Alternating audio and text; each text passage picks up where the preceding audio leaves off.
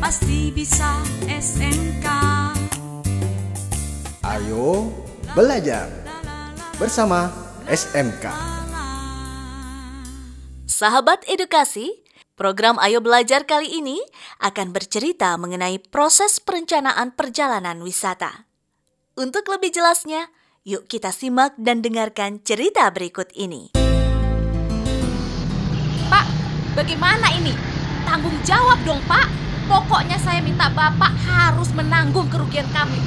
Karena ini tidak sesuai dengan jadwal dan rute perjalanan kami loh, Pak. Baik Bu, sebaiknya Ibu tenang. Nanti setelah kembali ke Surabaya, kita akan selesaikan di kantor. Sahabat edukasi, kira-kira apa ya penyebab ketua rombongan tur tadi protes dengan guide-nya? Apa yang kalian rasakan jika kalian juga mengalami hal yang sama? Nah, bagaimana seharusnya ini tidak terjadi? Yuk, kita lanjutkan cerita berikutnya.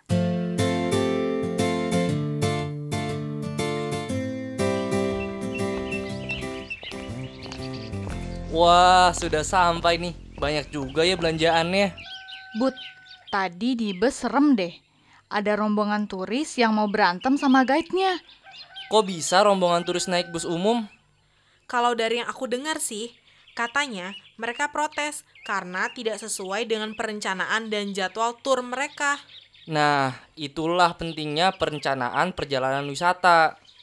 Kalau begitu, bagaimana kalau kita susun sekarang perencanaan perjalanan wisata kita? But, dari mana kita susun proses perencanaan perjalanan wisata yang benar ya?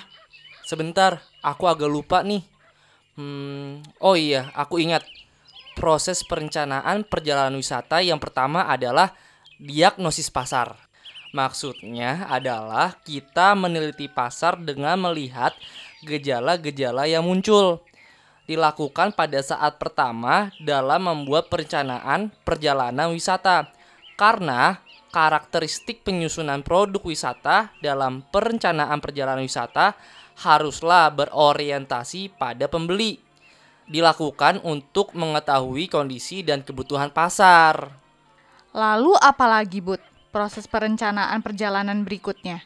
Yang kedua, pengetahuan yang didapat dari hasil diagnosis dipakai sebagai dasar untuk merumuskan tujuan. Rumusan tujuan merupakan hipotesis terhadap tujuan yang hendak dicapai, yaitu rumusan wisata yang akan diselenggarakan. Tujuan yang dirumuskan itu harus dapat menjawab pertanyaan-pertanyaan 5W 1H, yaitu what, why, who, when, where, dan how. Jadi, apa yang sudah ditulis dalam brosur ini semua adalah rumusan tujuan dari hasil diagnosis pasar masing-masing travel wisata. Bener, Mon. Tapi, kenapa tiap travel memiliki tujuan wisata yang berbeda? Padahal kan di depannya sama. Lihat nih, paket wisata Bali dan Lombok. Pertanyaan bagus tuh, Vin. Itu ada kaitannya sama proses perencanaan perjalanan wisata selanjutnya, yaitu observasi dan penetapan rencana. Maksudnya, Bud? Begini, setelah travel mendiagnosis pasar, lalu masing-masing travel mengadakan observasi, melihat langsung ke tempat wisata. Setelah itu, mereka akan menetapkan tujuan wisata mana yang mereka pilih. Nah, setiap travel akan memilih tempat dan tujuan yang berbeda tentunya sebagai alternatif pilihan. Sehingga wisatawan akan tertarik dengan pilihan yang banyak. Uh, but, apalagi sih langkah selanjutnya proses perencanaan perjalanan wisata? Nah, ini yang terakhir, yaitu pelaksanaan hasil dari perencanaannya. Yang terpenting adalah pelaksanaan harus sesuai dengan apa yang sudah direncanakan sebelumnya. But, lalu untuk kita yang akan berwisata, apakah perencanaannya juga seperti itu juga? Iya dong, tapi tenang aja, aku sudah buat kok perencanaannya. Nimon, coba deh kamu baca. Proses perencanaan perjalanan wisata Bali dan Lombok. Yang pertama, diagnosis pasar. Dari empat brosur yang tersedia, penawaran terbanyak adalah Pantai Kuta, Istana Tampak Siring, Teater dengan Tari Kecak, Pantai Senggigi. Yang kedua, formulasi tujuan. Untuk perjalanan dua hari satu malam, Pantai Kuta, Teater Tarik Kecak, dan Pantai Senggigi. Yang ketiga, observasi, browsing via internet. Yang keempat, rumusan tujuan, Pantai Kuta, Teater Tarik Kecak, dan Pantai Senggigi. Nah, yang terakhir, pelaksanaan, Sabtu dan Minggu depan.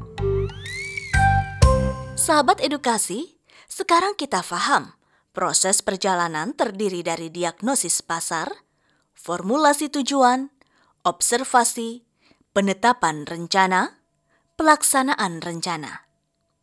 Apakah kalian sudah memiliki tujuan wisata liburan nanti? Coba ya, kalian susun rencana perjalanan kalian dengan langkah-langkah tadi. Semoga berhasil. Ayo belajar. Pasti bisa SMK Ayo belajar bersama SMK.